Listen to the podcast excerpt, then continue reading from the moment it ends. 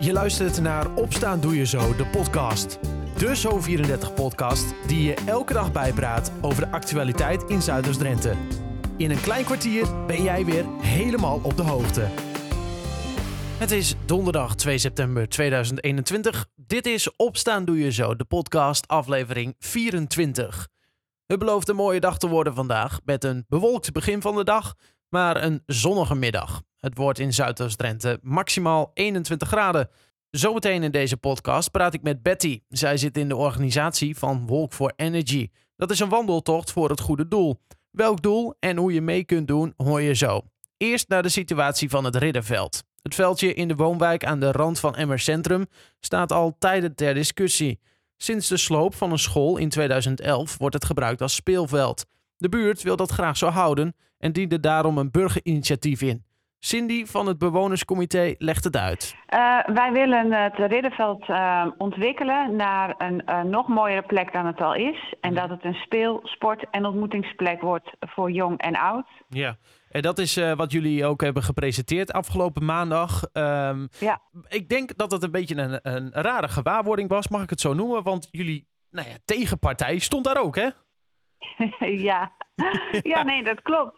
Ja, nou, het, het, voelt misschien zo alsof het een, een, een strijd is. Maar we wilden dat juist uh, omkeren. Want wat er gebeurd is in de laatste tien jaar... is dat er een plan komt van de gemeente... en dat wij dan bezwaar maken. Mm -hmm.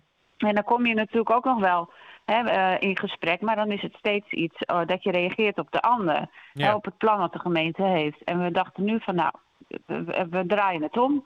En wij, uh, wij hebben zelf ideeën verzameld in deze tien jaar.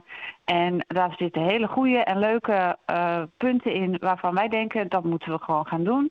Dus wij hebben dat verwerkt in een plan en ingediend. Ja, uh, die ja dus die... eigenlijk staan er twee plannen. Hè? Dus het is het, het gasthuis, geen zorgcentrum, maar het is een ja, zorgcentrum. Het is voor dementerende ouderen. Ja, precies. Uh, dat is het plan van de gemeente. Ja, ja. Uh, want inderdaad, dat is dan nou ja, de tegenpartij, zeg maar. Het gastenhuis, dat ja. is een, een kleinschalige opvang voor dementerenden. Wat, wat is dat plan? Wat zou dat voor iets moeten zijn? Ja, jij weet niet alle ins en outs, denk ik, maar je hebt denk ik wel goed gekeken maandag. Ja, nou ja, nou, ik was vooral bezig met ons eigen, eigen plan en de mensen te spreken die bij ons geïnteresseerd waren. Ja. Nee, maar het, is, het plan is dus een, uh, een zorgcentrum en het komt dan tegenover de uh, Oostermarken. Mm -hmm. uh, en nou ja, het is een, een ja, voor dementerende ouderen en ze hebben er dan een, een huis aan vast voor, van, nou zeg maar, degene die, die de dagelijkse begeleiding doen van die, van die groep. Ja, en, en wat uh, zou dat betekenen voor het ridderveld? Want is dan het hele veldje weg? Of, uh, wat? Er blijft nog wel een stukje over aan de achterkant. Ja. En als je het, uh, ze omschrijven het als de helft van het veld, maar als je even de voorkant, de stoep eraf rekent en een beetje hoe het veld loopt, dan blijft er een derde over. Ja, en dat vinden jullie te weinig voor de buurt? Ja, ja. ja we hebben eigenlijk bijna niks. Nee. Dus we vinden eigenlijk dat, dat je juist meer eruit moet halen dan wat, er nu, uh, wat we er nu al uh, hebben. Ja, uh, het plan wat jullie nu hebben, dat hebben jullie nu gegoten in een zogeheten burgerinitiatief. wat ja. is zoiets precies?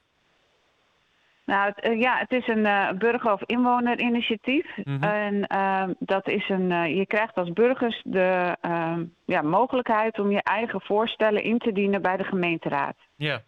En de gemeenteraad die moet dat dan ook behandelen als het voldoet aan bepaalde eisen. Mm -hmm. Nou, die eisen die, die zijn wel hè, te vinden op, uh, op internet. En er is Ja. ook een verordening, zoals ze dat dan noemen. En daar staat dan omschreven waar zo'n inwonersinitiatief aan moet voldoen. Ja. Ja, dat hebben we ernaast gelegd. En we hebben uh, een onderbouwing gegeven waarom wij vinden dat, dat je dit moet willen. En nou ja, dat is natuurlijk uh, sociaal en maatschappelijke doelen heb je daarmee. Mhm. Het bewegen voor kinderen. Um, de groene ruimte, hè, spelen en ontwikkel, uh, uh, ontwikkeling van groene ruimte. Ja. Um, dus dat soort punten komen daar dan als onderbouwing in naar voren. Dus, nou ja, en, en je moet 250 uh, handtekeningen hebben verzameld. Ja, en jullie hebben er 500, hè? Ja, Ja. ja. 501. Dus het dubbele is eh, die kant op gegaan. Eh, toch, ja. Ja. eh, als we het dan hebben over kanseninschatting. eh, de grond op dit moment is eigendom van de gemeente. Heeft ook een, eigenlijk een, een maatschappelijke bestemming. Dat is nog, ik denk vanuit de tijd dat, dat de school er nog op stond. Hè? Ehm, dat gastenhuis, dat past eigenlijk binnen die kaders. Dus je zou dan toch zeggen, de kansen zijn misschien niet heel groot dat jullie je plan gaat slagen. Ja, nee, dat, eh, dat, dat, als, ja, goed, de gemeente is eigenaar van de grond en mag daar dus inderdaad mee doen wat ze dan denken wat, wat goed is. Mhm. Het past niet helemaal in het bestemmingsplan eh, van de grond, maar ja, het is wel eh, bijna maatschappelijk, hè, want het is zorg, dus je kan zeggen daar zit nog een nuance in. Ja, Hè, dus eh, daar moet waarschijnlijk wel een kleine aanpassing in komen. ja. Maar ja, in principe mogen ze dit eh, gewoon doen. ja. En wij hopen dat de gemeenteraad dan denkt van... goh, ja, maar de hè, inwoners van die wijk hebben eigenlijk ook best een goed idee. ja. Ja, en dan moeten ze kiezen. Ja, precies. Eh, de wethouder, Jesse Otter, die was er ook hè, maandag. Ja, heb Ja. jij hem nog gesproken? Wat, wat, is, nou ja, wat was zijn mening, zeg maar? Nee, nee, wij hebben hem niet gesproken. Ehm, dus nee, dat is helaas niet gebeurd. Ja, de, de mensen kwamen binnenlopen en het, het- er waren best wel veel mensen. Dus we zijn ook beide ehm, veel in gesprek geweest. Ja. En ja, ja, wij gaan hem natuurlijk nog wel benaderen de komende tijd... om, om toch even het, eh, ja, ja. ons plan Ehm, toe te lichten. Eerder Ja. zei hij wel tegen eh, mijn collega dat het eh, behoud van een eh, speeltuin 4 ton kost. En dat dat, eh, nou ja, Ja. nog wel kritisch was, ja. Nou, ik, ik zou niet weten hoe dat. Hoe, je vier ton daaraan uitgeeft. Maar, Dan, maar goed, dan pak je eh, zelf wel een grasmaaier, zeg maar. Ja, dan doen we dat zelf wel.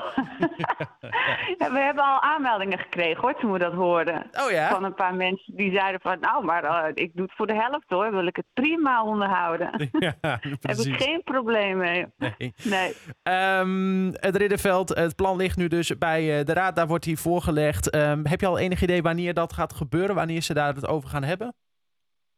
Nou, in eh, september wordt die eh, eh, zeg maar in algemene zin behandeld en Mhm. wordt er gekeken of het ontvankelijk is. Dus of het, of het voldoet aan, aan wat de gemeenteraad mag verwachten van een inwonersinitiatief. Ja. En dan is het in oktober wordt het eh, ja, waarschijnlijk hè, behandeld in, eh, in de raad. Mhm. En eh, daar gaan we nu even vanuit dat dat oktober wordt. Ja. En dan eh, En, tot die eh, tijd kan er nog niks gebeuren met het veldje. Nou, nee, dat verwacht ik niet. Nee. Nee, Vraagteken, ja. Ja. Nee, ik, ik, ik verwacht dat, ze dat ze dit wel serieus nemen. Nou, En eh, eh, ja, dat, dat daar wel een, eh, een eh, beoordeling op komt in oktober. Zodra er nieuws is over de situatie rondom het Ridderveld, hoor je dat natuurlijk als eerste via zo34.nl of in de app. Daar lees je sowieso altijd het laatste nieuws, waaronder dit. Bij 12 voetbalverenigingen en twee korfbalverenigingen in de gemeente Koevoorden worden werkzaamheden uitgevoerd die eigenlijk gepland stonden voor 2023. De gemeente heeft het geld eerder beschikbaar gesteld, omdat de werkzaamheden die moeten gebeuren erg met elkaar samenhangen. Een bijkomend voordeel is volgens beleidsmedewerker Ruben Kloosterman dat in de coronatijd sportparken redelijk verlaten waren en er daarom al veel werkzaamheden zijn uitgevoerd. Het streven is dat alle werkzaamheden eind 2022 zijn afgerond. Limpop, een nieuwe 19-jarige neushoornman, is gisteren aangekomen in Wildlands. Hij komt over vanuit Safari Park de Beekse Bergen. Het is de bedoeling dat hij in de toekomst voor nakomelingen gaat zorgen met de vrouwtjes Zara en Elena. Een vrouwtje krijgt maar eens in de 3 tot 4 jaar een jong na een draagtijd van 16 maanden. Gus, de mannelijke neushoorn sinds 2016, ondernam wel diverse dekpogingen, maar zonder resultaat. Hij is eerder deze week verhuisd naar een Deens dierenpark.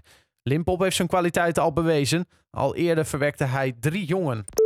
En het Estal Collegepand aan de Angersloer Dijk in Emmen gaat ruimte maken voor woningbouw. In de toekomst heeft het Esdal College behoefte aan minder ruimte. Tot 2025 krijgt het voortgezet onderwijs door krimp namelijk te maken met een daling van het aantal leerlingen. Dat aantal neemt met ongeveer 1 vijfde af. Om die reden werd vorig jaar een gloednieuw gebouw aan de Oosterstraat opgeleverd, zodat alle leerlingen van het Esdal College in Emmen op één campus zijn gehuisvest. Al eerder werden de oude ambachtschool aan de Weerdingenstraat afgestoten en de oude Pabo langs de Boermarkenweg werd gesloopt. Tot zover voor nu. Meer nieuws altijd op zo34.nl of in de app. In het eerste weekend van oktober is er in Oranjedorp een wandeltocht voor het goede doel. Walk for Energy zet zich in voor met name kinderen met een stofwisselingsziekte. Betty van Walk for Energy vertelt wat dat eigenlijk is. Nou, dat is een uh, uiteenlopende ziekte met verschillende ziektebeelden. Uh, soms worden baby's uh, al doodmoe geboren, terwijl bij andere kinderen de ziekte op iets latere leeftijd zichtbaar wordt. Ja. En 50% van deze kinderen halen een tiende verjaardag niet eens en 70, 70% wordt niet eens volwassen. Zo. Dus het is en, vooral iets wat ja. bij, bij kinderen speelt, zeg maar. Ja, ja, ja. En er zijn nog meer dan uh, duizend verschillende soorten stofwisselingsziekten. Mm -hmm. Dus het is uh, lastig ook om uh, de juiste medicatie en behandeling te krijgen voor, voor iedere stofwisselingsziekte op zich, zeg maar. Ja, nou is dit niet het eerste jaar dat jullie dit organiseren. Um, hoe lang doen jullie dit al, Walk for Energy? dit is de vierde editie. De vierde editie. En hoe, hoe waren ja. de vorige? Was het een beetje een succes, zeg maar? Ja, de vorige eh, keren, uh, eh, 2018 was de laatste keer, mm -hmm. daar hadden wij toch rond de 500 wandelaars. Zo, dat is een, ja. dat is een, een flink end. Nou, ik kan mij voorstellen met zoveel mensen dat dat, dat niet helemaal kan dit jaar. klopt dat? Nee, dat klopt. Wij gaan de routes gaan wij verdelen. Dus er zijn verschillende starttijden. Mhm. En uh, nou, zo kun je dan ook uh, de anderhalve meter uh, afstand bewaren, zeg maar. Dus we krijgen niet alle wandelaars op één, op één bub, zeg maar. Nee, precies. En er zijn inderdaad verschillende routes. 6 kilometer, 12 kilometer, 18 kilometer en 25 kilometer. Dat zijn nogal behoorlijke stappen moet je dan zetten. Ja, voor de, voor de ervaren wandelaars is de 25 kilometer route, dat is ook een hele mooie route.